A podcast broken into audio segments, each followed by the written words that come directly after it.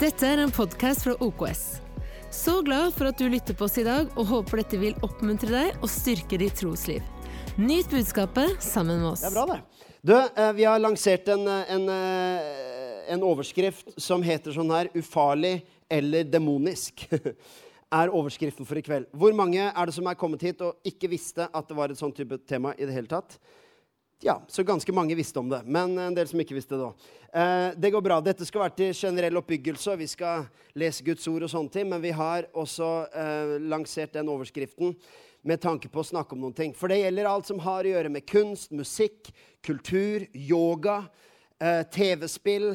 Masse ting som vi møter på i vår hverdag. Um, så er spørsmålet er dette noe vi som kristne i 2019 må forholde oss til. Er det sånn at alt vi møter på, det er ufarlig? Eller fins det ting som også har demonisk karakter i seg? Kristne er ofte delt, sånn som jeg ser det, i to kategorier. Du har den gruppen som generelt er veldig skeptiske til mye, og som ikke har vanskelig for å finne djevelen i både det ene og det andre. Og så har du jeg vet jeg generaliserer, så har du den typen kristne som er veldig åpne for alt og tenker at enhver nesten eh, Det å hevde at uh, det fins noe djevelsk og demonisk i noe som helst, blir nesten litt uh, ekstremt og sekterisk. Og det kan godt hende at allerede i forsamlingen her så har vi begge, begge liksom hvilken kategori man lener mot. Jeg tror jeg kan påstå en ting, er at det er fryktelig du, Nå handler ikke dette om meg, men det er fryktelig vanskelig å plassere meg i en av de to. Er han konservativ, eller er han liberal? Nei, jeg skal forvirre deg totalt på akkurat det. Akkurat som Jesus kunne heller ikke plasseres i noen bås. Konservativ eller liberal eh, på en del ting. Men det som, det som, også er litt med det temaet som er greit å være klar over, er at det har en litt sånn eh, Det har en litt sånn, dra, litt sånn magnetisme i seg for kristne, og spesielt oss som tror på åndskraft, tror på Den hellige ånd, tror på det overnaturlige så er det klart at alt som har å gjøre med det demoniske og det som er av den andre siden, holdt jeg på å si, har en viss sånn interessefaktor. Er ikke det sant? Og det er greit å bare være klar over at det fins ting som vi kan snakke om, og ting som Bibelen gir oss innsikt i. Men det fins også en litt sånn besettelse av det, eller et, en overbetoning på det, som heller ikke er bra.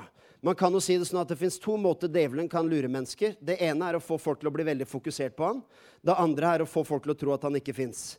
Um, og det var veldig mye sånn kategorier her i kveld. Da. Det var ikke meningen. Men eh, det jeg har tenkt til, er eh, ikke å plassere meg i en av de båsene, om jeg er veldig åpen eller veldig skeptisk, men jeg skal begynne i én en ende og bevege meg veldig over til den andre. Så noen av dere vil sikkert synes at jeg er altfor fri og altfor alt for raus i mine perspektiver, og noen vil tenke at du er altfor konservativ og gammeldags. Men det er bra. Men vi skal begynne i ene enden. For uh, i vår oppvekst så Jeg skal bare si et, et, par ting som vi ble eksponert for i vår oppvekst. En ting som vi ble eksponert for, var en bok som het 'Opprør i lekekassa'. Uh, 'Turmoil in the Toybox', som er en forferdelig bok. Uh, den, det fins noe der som uh, også er sant, men det betyr ikke at uh, det fins mye der som Jeg skal ikke si det ødela barndommen til mange kristne, det, det, vet jeg ikke, men det hadde potensial for det.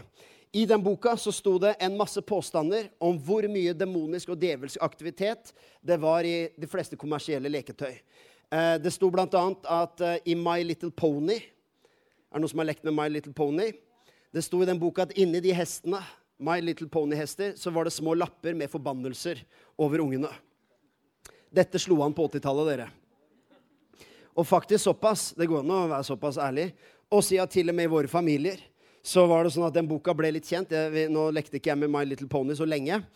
Uh, ikke Barbie heller, men det var en annen figur som ble omtalt i boka. Uh, men det endte med at uh, i familien til Katrine, de har alltid vært litt ekstreme, så, så åpna de faktisk klippa i stykker alle My Little Pony-hestene. Altså, Én ting er jo at det er trist, men det er fryktelig dårlig økonomi enn å selge de. men, men nok om det. Det var en annen tid også. Og, og um, når dette her ble formidla, så var det klart at uh, for mange kristne så var det også en, en, fornyelse i forståelsen av åndskraft og det overnaturlige og det virkelige. Og jeg står her, enten du liker det eller ei. Jeg tror på Gud. Jeg tror på djevelen. Jeg tror på engler. Jeg tror på demoner. Så det er en del av den. Og, og faktisk uh, må jeg ikke snakke meg bort eh, på det, men hvis du tror på evangeliet, hvis du først tror på Gud og tror på den at Jesus er den som kom og gjorde Gud synlig, så er det irrasjonelt å ikke forstå djevelens rolle i det. Og forstå at han også er ikke bare et konsept, ikke bare en sånn mytologisk figur, men er en person, en fallen engel, en som en gang reflekterte enormt av Guds herlighet. Av alle vesener som var i himmelen, så var Lucifer han var bekledd med enorme gaver. Eh, beklager å si det, men han var musiker. Multitalent. det, skal vi bare konkludere med det? han var det. Faktisk så står det at han spilte flere instrumenter. Eh, og vanligvis så har du folk som kan ett instrument av gangen. Men han kunne slagverk, han kunne strengespill, han eh, kunne ulike instrumenter. Og han var bekledd med enorm, enorm eh, herlighet. Edelstener og diamanter. Og eh, poenget med Lucifer var jo at han skulle stå frem og virkelig ære Gud. Sånn at, eh, og Jeg en, jeg har ikke funnet belegg for dette i Bibelen, men det er noen som til og med hevda at når han skulle på en måte reflektere Guds herlighet, for han var en sånn et herlighetsperson, herlighetsfigur, så var det sånn at eh, det strålte så mye av herlighet fra han at han ble selv usynlig. Og så hørte jeg noen legge ut det sånn, kanskje la litt mye i det, men det at, at Lucifer sjøl ble usynlig, men det bare strålte av, av herlighet. Men et eller annet sted langs veien så var ikke Lucifer holdt å si, tilfreds med det. Og vi vet at hans opprør mot Gud var fordi han ville bli Gud. Han eh, ville ha hva skal jeg si, all den æren og all den herligheten som Gud eh, fikk, den følte Lucifer gjorde han mindreverdig. Så han ville ha en del av den kaka og bli lik Gud. Eh, og som var det opprinnelige opprøret som gjorde at han ble, han ble tatt ut av himmelen. Dette kan bli en interessant kveld, kan det ikke det? Det er ikke vanlig praktiske hverdagsundervisningen du får, men du verden, dette berører hverdagen vår absolutt. Opprør i lekekassa. Jeg bare prøver å gi deg litt kontekst på ting som jeg mente og mener eh, delvis kanskje forførte kristenheten i en retning til å bli veldig prega av frykt. Og jeg tror uansett Uansett hvor, håper jeg, hvilken grad vi er av å se det overnaturlige og også det demoniske ting og tang, så er det ikke noe bibelsk belegg for at vi skal ta valg og beslutninger drevet av frykt. Vi tar beslutninger drevet av overbevisning, og vi er ledet av Den hellige ånd. Men å gå rundt og være redd for små lapper inni leketøy, da blir Gud for liten. For han som er i oss, er større enn han som er i verden. Uh, jeg husker også uh, dette, dette, Jeg må ikke snakke meg bort på det heller. Det er mye jeg ikke må snakke meg bort på. Men jeg husker vi hadde faktisk besøk av uh, en veldig kjent sånn brødretrio i OKS. De var der bare én gang. Legg merke til alle gjestetalere som har vært i OKS én gang. Det er det en grunn til. Um, og de var der en gang. Peters Brothers. Er det noen som har hørt om dem? De skrev på 80-tallet. Så skrev de uh, De hadde programmer og aviser og ga ut eh, eh, lydkassetter osv. som handla om eh, alt det djevelske som var i rockemusikk. Og det var ikke snaut, det var ganske radikalt. Og det gikk på alt dette her med baklengstekster. Og hvis du snurra noen av disse LP-ene baklengs, så kom det egne eh, beskjeder der som var mørke, og som var forbannelser osv. Men mer enn det, de, de, gikk på en måte hvert eneste band etter i sømmene. Eh, og fant, fant, på en måte det som var åpenbart, nemlig at en del av 80-tallets og 90-tallets rockeband og metalband eh, lekte med mange både symbolske ting, og noen ting var bare et show. Og andre som kanskje var mer seriøse i det. Men egentlig eh, Jeg husker at de var veldig på hugget, og som gjorde at mange kristne ikke noen gang ville høre på noe rockemusikk. Og de brant plater. Hvor mange har vært med på platebrenning noen gang? Eh, de brant plater.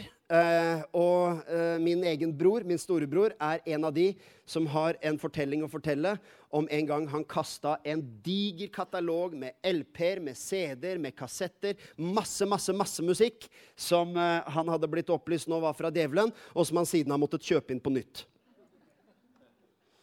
Så du skjønner hvilken ende jeg starter i her. ikke sant? Her, er Bare så du forstår hvilket hysteri som kan være omkring disse tingene. Her er et YouTube-klipp av en dame som er på en konferanse og står på stand og advarer mot energidrikken Monster, som du kan kjøpe på Essotan. Kikk på dette her.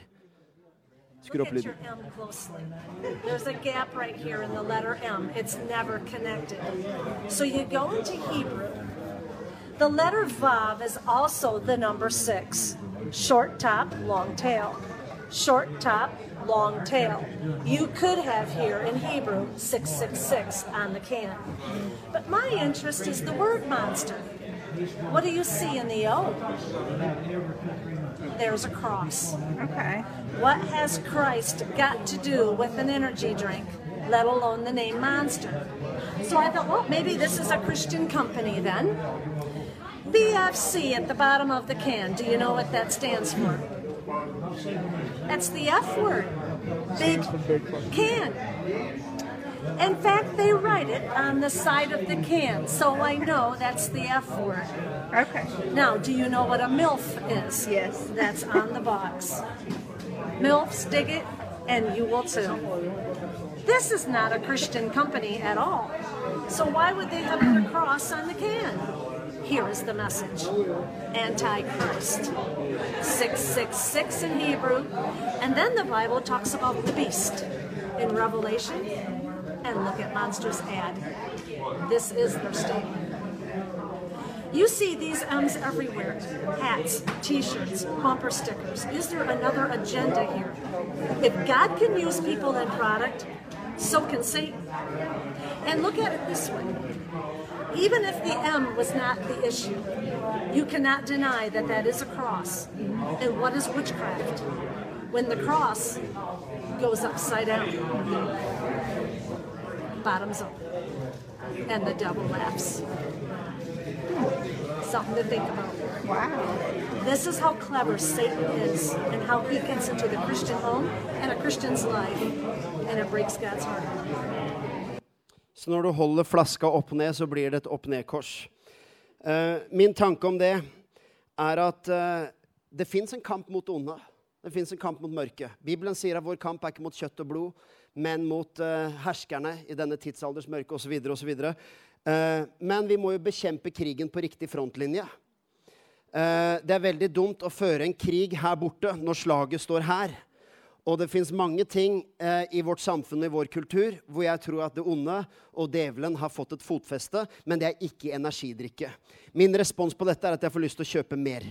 Bare for å og, og for, for, det er også litt sånn her at jo, men, men, men hva hvis det er det, da? Ja, ok, La oss si da at det er noen markedsførere som syns det har vært uh, gøy å leke med noen symboler. Og, og, og la, la, jeg tror ikke det stemmer, men la oss si at de til og med har gjort det. Hva så? Hvem mener, Hvor mye skal du gå rundt og være redd for? Dette er på My Little Pony-nivå. På en eller annen måte så må de jo tåle at du lever Altså, denne verden ligger i den ondes hender. Det er klart, Hvis du skal beskytte deg mot å bli eksponert for noe som i det hele tatt en gang har blitt influert av noen som jobber i et selskap som har lagt inn et eller annet, da må du rømme ut av verden og ut av samfunnet. Og hvis kristne som har den oppstandende Kristus, som beseira døden og dødsriket og sykdom eh, og hersker alt mulig Hvis kristne som har han på hinsiden, går rundt og er redd for en energidrikk, ja, da blir Gud for liten. Jeg sa jeg skulle begynne i én en ende. Ikke vær du som allerede er skremt og tenker Thomas, du må, du må. Ja, vi, vi, we're getting there. Du skjønner, Av og til så lurer jeg nesten på om det faktisk er djevelen som står bak sånne energidrikker bare for å distrahere oss kristne fra å kjempe kampen der den virkelig står. Nei, djevelens merkevare er alt som ødelegger mennesker, ødelegger sjelen, ikke logoen på en energidrikke. La meg fortsette litt i det radikale hjørnet. Jeg tror mange kristne har gått glipp av utrolig mye. Og gått glipp av mange mennesker pga. vår frykt for ting som er utenfor. Hvor mange kunstnere, hvor mange artister, hvor mange med kreative uttrykksmåter, eller mennesker som bare også har vært del av miljøer, som, som har blitt på ulike måter satt utenfor pga. frykt. En ting er hvis det er et helt bevisst og strategisk valg, men når frykt driver mennesker ut Nei, Min bibel sier at den fullkomne kjærlighet driver frykten ut. Ikke at frykten driver mennesker ut. Så en kirke som er drevet av den kjærligheten som Kristus har, da søker vi i alle verdener, alle kulturer, alle sirkler, alle miljøer, alle mennesker, så er det jo vi som er kalt til å infiltrere og berøre. Du har hørt meg snakke noen ganger om at det er vi som har den. For når du leker harn, så er det en som har berøringskraft, og som løper for å ta de andre. Og så er de andre på rømmen for å unngå å bli tatt. De kristne har ofte oppført seg som om det er djevelen som har den. Og som vil løpe fra og passe på så vi ikke blir berørt. Å, energidrikke! Nei, det er vi som, det er vi som har den. Det er vi som i utgangspunktet er kalt til å gå ut og berøre. Det er ikke lyset som er redd for mørket, det er mørket som flykter fra lyset. Og vi har lyset. Og også når mennesker som eh, Så vet jeg at alt dette er ikke helt svart-hvitt, men vi må ha litt dette fundamentet. For når vi kristne blir helt frakobla kulturen vår, så påvirker det også forkynnelsen. En av grunnene til at kristen forkynnelse ofte har svart på mange spørsmål folk ikke har, er fordi vi oppretter parallellkulturer, så vi vet ikke hva som foregår i kulturen. Nå har dette endret seg, og kanskje noen ganger endra seg litt for langt. Men vårt oppdrag er ikke å skape kristne parallellsamfunn for alt vi finner i verden. Det er fantastisk med kunstnere som vil uttrykke seg og uttrykke troen sin gjennom kunst. Det er fantastisk med musikere som vil uttrykke musikken sin og la troen skinne fram i det. Men samtidig så fins en fallgruve med at vi skal lage parallellkulturer av alt det som finnes der ute i verden. Så vi har kunst, og så har vi kristenkunst. Som kristne går på og ser på. Så har vi musikk, og så har vi kristenmusikk.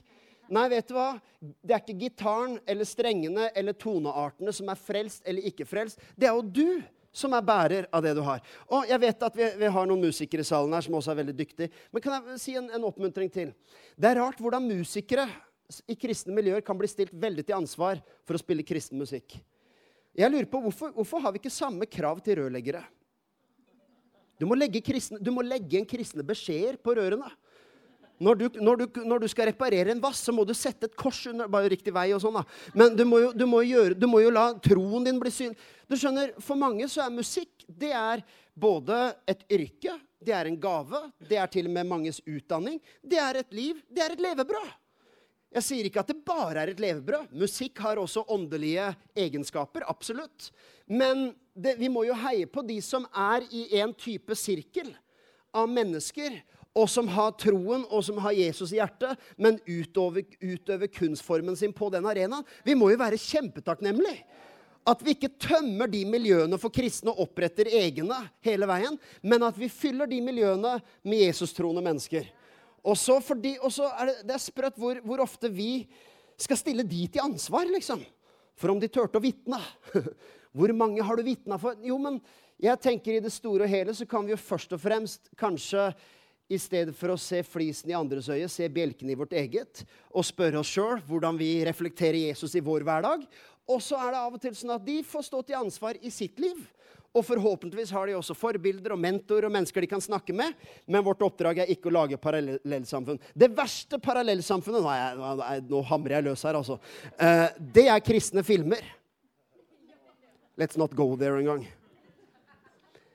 Hvorfor skal vi Fy, hvor dårlig kvalitet det har vært på mange kristne filmer. Hvorfor skal vi la Nei, jeg, jeg, jeg har ikke tid til det. La oss lese Johannes 17. Johannes 17 og vers 17 19. Jesus sier det ve veldig bra. 'Jeg ber ikke om at du skal ta dem ut av verden', sier Jesus om disiplene. Det er ganske klart tale, er det ikke det? Jesus ber for oss og sier, 'Far, jeg ber om at du ikke skal ta dem ut av verden.' Hvilken del av 'ikke' er det vi ikke skjønner? Nei da, jeg skal, jeg skal roe meg. Jeg ber ikke om at du skal ta dem ut av verden, men at du skal bevare dem fra det onde. De er ikke av verden, slik jeg ikke er av verden. Hellige dem i sannheten. Ditt ord er sannhet. Som du har sendt meg til verden, har jeg sendt dem til verden. Jeg helliger meg for dem, så også de skal helliges i sannheten. Vi har vært innom det verset her et par ganger på DNA-kvelder.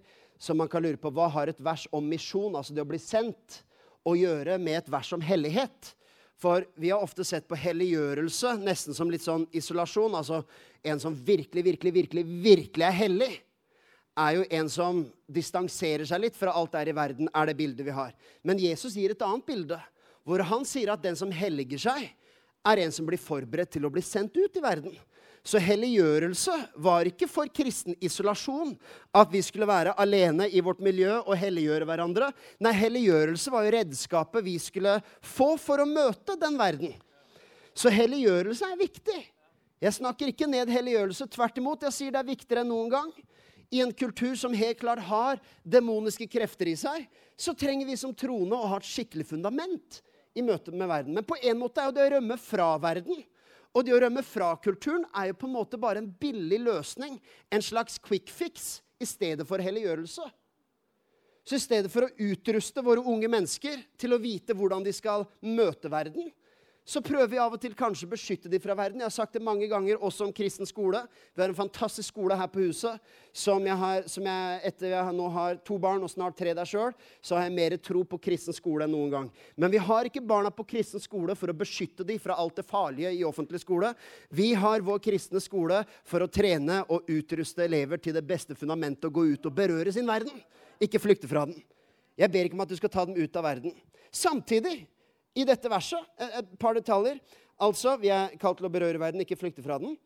Um, vi skal være i verden. Det er det Jesus spesifikt sier, at han sender oss ut i verden. Men så sier han også at det er en risiko. For av og til vil vi jo ha dette svart-hvitt. Hva er bra, hva er dårlig, hva er farlig, hva er ufarlig? Men er han sier, 'Jeg ber ikke om at du skal ta dem ut av verden, men bevare dem fra det onde'. I den setningen ligger det at her er det jo også et spenningsforhold. Hello? For det er ikke bare sånn at jeg er så helliggjort jeg kan gå ut i verden og ingenting er farlig for meg. Jo, hvis du er en rehabilitert rusmisbruker og kanskje har fire uker bak deg nykter, så skal ikke du nødvendigvis på puben fordi du har blitt så helliggjort og vitne om Jesus. Det er en prosess, helliggjørelse. Kan unge kristne ungdommer være med på russebussen i nabolaget sitt? Det, det er 10 000 spørsmål.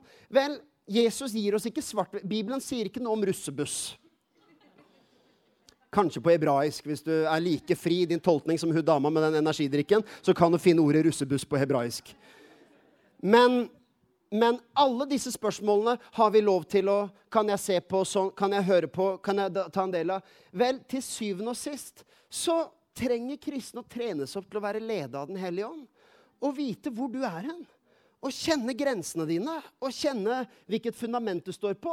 Og jeg tenker ikke at du skal bevege deg på arenaer som både gir deg dårlig samvittighet, og som gir deg hva skal jeg si, eh, en, en vanskelig situasjon. Da er, det, da er, det, både en Hva skal jeg si eh, For en kristen som står på et veldig trygt fundament, så er det en synd å ikke være i verden. For en som kanskje er veldig tidlig i sin prosess, så kan det være en synd å være der. Forstår du hva jeg mener? Det ble kanskje litt feil ordbruk. Men poenget er at du er ledet av Den hellige ånd, og vi kan ikke Jeg vet at ungdommer ofte vil ha svart-hvitt-svar. Er det lov? Er det, kan jeg spille sånn TV-spill? Kan jeg høre på sånn musikk? Men jeg tror den beste måten vi gjør det, er å ikke alltid bare gi svart-hvitt, men å hjelpe dem så godt vi kan. Jo, men de, ungdommer vil ha svart-hvitt-svar. Det er derfor det tar tid. Det er derfor det er vanskelig. Jo, men hvis vi bare sier ja på det, og nei på det Nei. Da, da, det som ofte skjer når vi gir svart-hvitt svar, er at vi kanskje enten så lykkes vi, eller så mislykkes vi med det. Og så skjer det at når vi lykkes til og med med å holde mennesker og unge mennesker unna kulturen Det kan f.eks. Oh, jeg har ikke tid å snakke om sånne ting. Men jeg har sett dette skje med mennesker som hvis man For, for la meg si det i OKS så tror vi at f.eks. å ha totalavholdsstandpunkt er en god ting. Det er noe vi heier på og applauderer og noe som i veldig veldig mange situasjoner og kontekster er rett valg. Samtidig så har jeg sett dette skje med veldig mange. Man vokser opp i en kristen kultur der det er det eneste korrekte standpunktet. Og så skjer det For én ting er når du er tenåring. Da mener jeg at svaret er veldig greit. Før du er 18 år gammel, så er det så er det forbudt ved norsk lov. Jeg vet at ikke det håndheves overalt. Men er, nå, nå, har ikke jeg tenåringsbarn, så jeg kan godt si at jeg ikke vet hva jeg prater om. Men jeg har vært tenåring og har tenåringsbrødre. Og fram til du er 18 år, så mener jeg at uh, det er helt klart vår policy å fortelle at det er noe som når du går med Jesus og be bekjenner troen din som kristen, så er det grunnstandpunktet er at du er avholdt til du i hvert fall har lov å gjøre det. Men så har jeg sett det f.eks. mange unge som blir del av et studentmiljø. Og kanskje man er over den der ekstreme festinga og der hvor man liksom hva skal jeg si, flatfylla. Men unge mennesker som kanskje går ut og skal ut en fredagskveld og ta seg et par øl. Og så hender det da at når kristne blir en del av den kulturen, og så blir det å krysse en linje blir et sånt dramatisk veivalg, for de er vokst opp med en sånn svart-hvitt-standpunkt, som gjør at når de krysser den linja, og så oppdager de at disse folka er jo ganske trivelige. De var jo ikke onde, sataniske, djevelske mennesker fulle av demoniske greier, som drikker øl på fritiden, og som antageligvis to timer senere ligger helt i flatfylla og gjør ting de angrer på resten av livet. Nei, det kunne hende at det var en sosial setting, og de til og med var vennlige mot hverandre. Og hva skjer oppi hodet da? Jo, da tenker man det de har sagt, stemmer jo ikke. Og så plutselig begynner man å se litt ned, og så begynner det å påvirke troen. For hvis de, hvis de ikke snakket sant om dette, så, så, så kommer det nesten litt sånn prestisje inn at dette her er jo en kul gjeng å henge med. Mens det kristne, isolerte miljøet jeg vokste opp i, de tar jo feil. De er ikke halvparten så festlige som disse. Og jeg sier ikke at de har rett eller feil, jeg bare sier hva som skjer. Og derfor, og Det er masse mer å si om dette, men det er derfor uansett vårt standpunkt, og du i ditt hjem Hvis du er forelder, så er jo du sjef over hva, hvilke verdier du vil ha i ditt hjem. Hello? Så Det er ikke engang noe en pastor må fortelle deg. at du skal gjøre sånn og sånn. Det, det, det er du som bestemmer det. Um, men når det er sagt, så vil jeg si at som pastor og i forhold til fostringen av unge mennesker, så ønsker jeg at vi skal grunnfeste de i ordet. For det er det Jesus sier. At de er ikke av verden slik jeg ikke er av verden. Hellige dem i sannheten. Ditt ord er sannhet. Så vi må grunnfeste de i ordet og veksten i Jesus Kristus. Ikke for å advare de mot at alle der ute er slemme, og spesielt de som sitter på fredagskvelden og går ut på utestedene. Nei, vi må forklare at dette er jo ment å være i en studenttid, så er dette din vennegjeng. Så vi må forberede dem for den hverdagen og det livet. Sånn at de er gjennomtenkt. Og så langt det står til Ja, men det er vanskeligere. Det er mye lettere å få det inn på kristne universiteter. Men jeg tror at uh, i den tida som vi lever, så, så blir dette sett veldig svart-hvitt på. Og det fins selvfølgelig de som tar det altfor langt. Har du den her, uh, den her konfrontasjon, konfirmasjon, transformasjon? Jeg vet vi har vært innom dette på DNA, men det fins tre måter som vi kan deale med kulturen vår. Det ene er å være mot den, som er konfrontasjon av kulturen. Uansett hva det gjelder. Det andre vi kan gjøre, er å være med kulturen, altså at vi konfirmerer den. Ikke konfirmasjon, som vi hadde i formiddag. Men eh, det er et tema som, som jeg ikke er her for å snakke om nå. Men det er helt klart at vi ser også en oppvoksende generasjon av kristne der man fullt og helt konfirmerer kulturen på alle mulige måter. Der det ikke fins noen differanse eller kontrast mellom det jeg står for, og hva Jesus har gjort i meg, og hva verden står for. Hvor det nesten handler om så, mest, så mye som mulig å bli mer lik, for man er livredd for å miste ansikt. Man er redd for å gå imot gruppen. Man er redd for å stå for også standpunkter og verdimessige standpunkter som ikke er liksom den kollektive Vi er mer flokkdyr enn vi noen gang har vært. Og der trenger vi å trene opp unge mennesker til å si at nei, vi er ikke kalt til å konfrontere kulturen, men vi er heller ikke kalt til å konfirmere den. Alt dette er det Jesus sier. De er i verden, men de er ikke av den. Jeg ber ikke om at du skal ta de ut av verden men at du skal beskytte dem fra det onde. Derfor så har jeg oppsummert det på den måten. Å forstå måteholdig bruke, tjene og forandre kulturen. Det er hva jeg har tro på. Se på Paulus. I Aten, Apostlenes gjerninger 17, vers 16-17, mens Paulus ventet på dem i Aten Paulus går omkring i Aten, så ble hans ånd opprørt i ham da han så at byen var full av avgudsbilder. Derfor samtalte han i synagogen med jødene og med de gudfryktige, og på torget talte han daglig med den som kom forbi. La du merke til hva det sto? Paulus går omkring i Aten. Der har vi allerede noe å lære som kristne. Vi må komme oss ut i Aten. For hvis vi bare holder oss i Jerusalem, så kan vi ha vårt, vår sjargong og vårt språk, og vi kan bli veldig trygge på hverandre og snakke om hvor farlig Aten er, og snakke om hvor ugudelig de er i Aten, og så kan vi hause hverandre opp her i Jerusalem. Men saken er at vi er ikke kalt til å bare tilfredsstille de religiøse kravene i Jerusalem. Vi er kalt til å mette den åndelige tørsten i Aten. Så det Paulus gjør, er at han drar til Aten. Og der er han. Og nå snakker jeg ikke bare om utesteder og pub. Nei, Aten var jo finanssentrum, det var kunstsentrum, det var et sentrum for eh, filosofi og det intellektuelle. Det var, det var markedsplassen som i dag også kan finne sted på nett eller på andre måter. Men du er kalt på alle mulige markedsplasser. Og det som jeg liker, er at Paulus han går i Aten og samtaler med mennesker. Men han ser også at byen er full av avgudsbilder. Nå nærmer vi oss kontrasten her.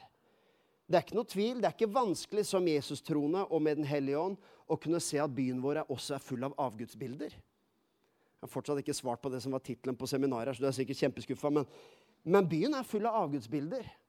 Er de på drikkeflasker og energidrikke? Nei, det er i selvopptattheten. Den narsissistiske trekkene som er ved vår generasjon.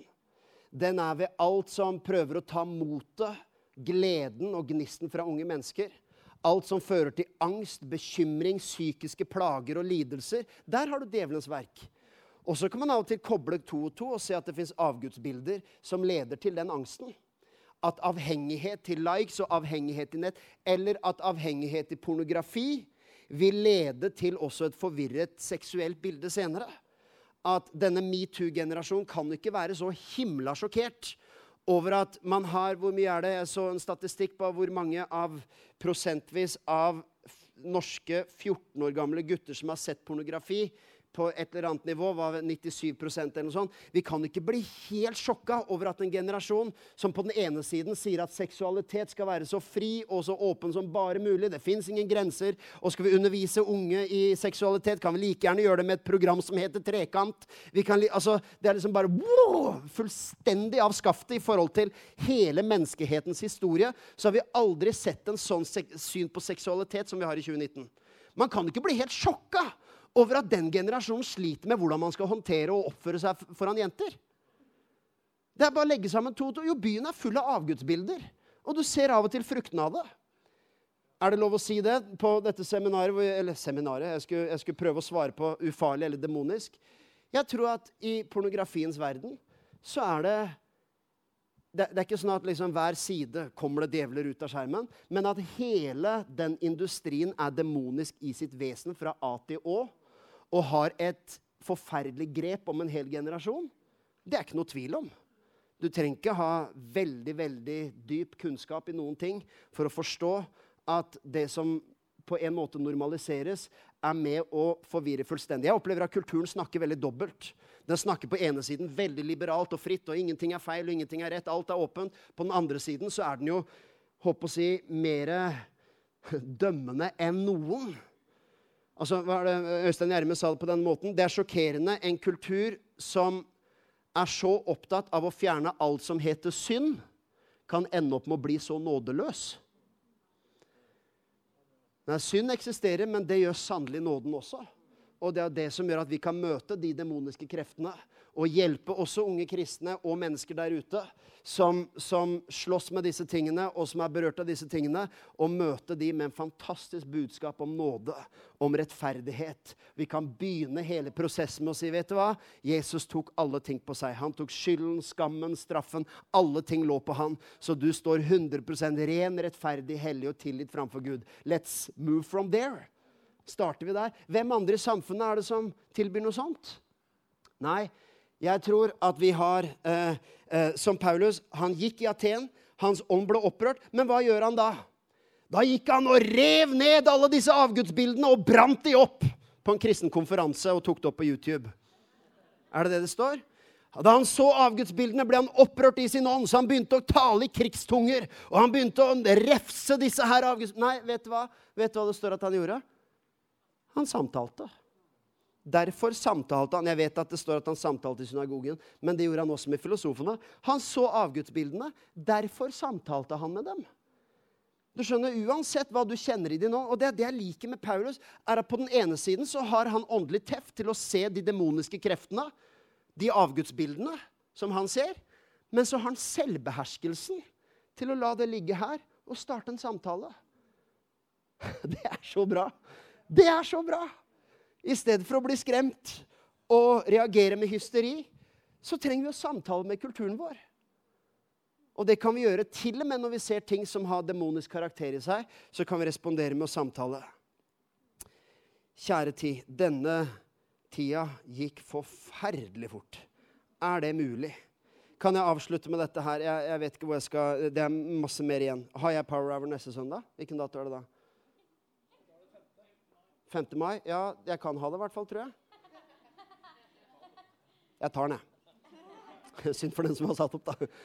Men, men eh, jeg, er ikke, jeg, er ikke, engang kommet langt under halvveis. Men la meg avslutte med dette. Jeremia 23. Hvordan, når det kom, Bare et lite hint om alt som har med TV-spill, kunst, kultur, musikk, eh, yoga osv. Jeg sa at jeg skulle begynne i en veldig fri ende. Men eh, samtidig så er det sprøtt også å se hvor naive kristne kan være og som har gått fra å se djevelen overalt til ikke å se djevelen noen steder. Jeg tror at den typen yoga, meditasjon, som på en måte er fysiske øvelser, som er kroppslige øvelser, kanskje ikke er noe man skal behøve å være så redd for. Men jo mer det beveger seg over i det åndelige, jo mer åndelig språk og innpakning det har rundt seg, jo mer bør man være på vakt. Men jeg kan ikke som pastor stå si at sånn type yoga kan du gjøre, ikke sånn type yoga. Du må ha Den hellige ånd i deg og kjenne etter hva, hva lukter det av dette her. Er det fysiske øvelser som hjelper meg å holde meg i form, og som gir meg en mulighet til å ha litt ro? Kan jeg til og med ha et bønneliv mens jeg gjør det, og snakke med min Gud? Og vite at Jesus Kristus bor i meg, så mens jeg gjør fysiske øvelser, så kan jeg kjenne på Guds godhet og tenke på evangeliet? Eller er det øvelser som beveger seg mer og mer inn i det åndelige? Og det? Jeg er på ingen måte naiv. Og når man snakker om å slippe sjamaner inn i kirken Det har vært en egen diskusjon på det. Så uh, er det ikke vanskelig for meg å si at jeg er ekstremt skeptisk til å slippe inn og kalle det religionsdialog. Og slippe inn det som helt åpenbart er et okkult handlingsmønster og okkult teologi bak. Og slippe inn det inn i kirken og gjøre det til en del av gudstjenesten, er jeg meget, meget skeptisk til, som vi ser deler av kristenheten gjør. Samtidig så vet jeg at det er ikke der frontlinjen står i min hverdag. Frontlinjen står i å se at djevelen ikke får det grep om unge menneskers liv og menneskers liv generelt som han har. Men jeg skal i hvert fall ikke gjøre kampen lettere for djevelen ved å slippe til sjamaner eller okkultister inn i kirkerommet og kalle det dialog. Nei, fra denne plattformen så er det lyset som skal formidles. Og det er ikke vanskelig å, ikke vanskelig å si. Men en liten tips, bare sånn lesestoff til neste gang. Det er tre kategorier. I Jeremia så har du tre typer profeter som profeterer. Legg merke til det her. Det er kjempespennende. Hos profeten i Samaria har jeg sett frastøtende ting. De profeterte ved Bal og førte Israel folket mitt på villspor. Altså folk som talte profetiske ord, åpenbart med demonisk inspirasjon. De talte ved Bal. Men tre vers senere så står det Jeremia 23, 16, er det det? Hør ikke på ordene til de profetene som profeterer for dere. De gjør dere tomme. De forteller om syn fra eget hjerte. Det er den andre kategorien uttrykk. Det ene er det som er demonisk. Det andre er det som er uttrykk fra eget hjerte. Som er sjelisk. Og som ikke er farlig, men som over tid, hvis det er det eneste du absorberer, så står det at det gjør hjertene tomme. Jeg kan avsløre at jeg hører på masse musikk jeg setter i den kategorien sjelisk musikk som jeg både kan lytte til og forstå, og til og med ha et samtaletema når jeg er med mennesker, og til og med nyte det og synes at mye av det er veldig bra. Men jeg vet at når det er det jeg absorberer og det jeg spiser, så vet jeg at over tid så er det kun ting som mennesker taler ut fra eget hjerte. Det kan være alt fra kjærlighetssorg til frykt og angst som de har, som de skriver tekster om eller lager dikt om. Det kan være litteratur som skrives, som er eksepsjonelt flott, og ting man kan lære. Men de er fra menneskers eget hjerte så er det ikke alltid ja, Er det demonisk eller er det ikke? Vel, hvis det er fra menneskers eget hjerte, så kan det være mye grums. Demonisk eller ei, menneskers hjerte kan inneholde mye. Men det fins noe som er helt åpenbart abal. så er det noe som bare er fra menneskers eget hjerte. Jeg sier ikke at det må du aldri høre på, aldri se på, aldri lese. Jeg bare sier at hvis det er det eneste du spiser, så må du være bevisst på at det gjør menneskene tomme. Men så står det til slutt i vers 19-18.: Hvem har vært med Herrens råd og sett og hørt Hans ord? Hvem lyttet til hans ord og adlød det? Så har du Jeremia som profeterer Guds ord. Jeg vet at dette står i en helt annen kontekst enn akkurat det vi snakker om nå, men, men jeg syns de versene forklarer det veldig godt. Det fins demonisk profeti. Så fins det det som bare er mennesker som taler fra eget hjerte. Og så fins det det som er gudsinspirert. Jeg liker å tenke at når jeg ser filmer, så ser jeg at noe av det kan være spennende. Det er fint å være oppdatert, snakke med mennesker og ha noen ting. Men jeg ser også at det er sjelisk. Dette er ting som over tid gjør menneskene tomme. Dette er ting som hvis dette er det eneste jeg tar inn av inspirasjon Det er ingen tvil om at TV-serier som tilsynelatende er uskyldige, har forandra en hel generasjons syn på en del ting. Og det er, noe, ikke demoner og skrekkfilmer og sånne ting jeg tenker på. Jeg tenker på TV-serier som Sex and the City eller andre ting som over tid Jeg kan ikke si en enkeltscene som er av djevelen, men jeg kan se at over tid så har det en enorm innflytelse på kulturen og på verdier og syn på utroskap og syn på Av alle sexscener som vises i filmer, så er mindre enn 5% er scener der de illustrerer sex mellom en gift mann og en gift kvinne. 95% er utroskap eller andre former for seksualitet og eksperimentering. Som, det gjør ikke meg livredd, men det forteller meg at Tror vi at en hel generasjon pøses på med den typen stoff, og at det ikke påvirker kulturen vår? Selvsagt påvirker det kulturen vår! Hvor naiv kan man bli? Nå er jeg over i andre enden igjen. Men det fins en del ting som er av ball. Det fins en del ting som, av, som gir tomhet over tid. men som likevel kan være det er en gråsone der. Og så er det det som er inspirert av Guds ord og fra Guds munn. Far i himmelen, jeg takker deg at du gir hver og en dømmekraft. Gud, jeg ber om akkurat som du ba for dine disipler, så ber jeg for alle i denne forsamlingen. Ikke ta de ut av verden, men hjelp de til å koble og snakke og samtale med verden. Også når vi blir opprørt i vår ånd, og når vi ser avgudsbilder eller hva det skulle være, så takker jeg deg for visdommen og selvbeherskelsen til å samtale med mennesker og gi svar og gi håp. Jeg ber også om en ånd til å skjelne. Jeg ber også om den typen uttrykk i samfunnet og i hverdagen som er av demonisk karakter. At hver og en skal ha teften og Den hellige ånd på innsiden til å skjelne hva de skal fylle seg med, hva de skal ta inn i sinnet sitt. Hva som skaper frihet, og hva som skaper tomhet. Men jeg ber også om visdom til å gå i Aten. Til å gå blant de avgudsbildene og vite at han som er i oss, er større enn han som er i verden. Vite at han som er i meg, har seiret over den onde. Så vi går ikke med frykt inn i kulturen vår. Vi går med frimodighet og med berøringskraft. I Jesu navn. Amen. Amen. Takk for at du tok deg tid til å lytte på en av våre podcaster fra OKS. Vår visjon er å bringe Jesus til mennesker i vår verden, og mennesker i vår verden til Jesus. Følg oss ellers på vår YouTube-kanal og sosiale medier. Du er velkommen til å besøke en av våre kirker. For mer informasjon, sjekk ut oks.no.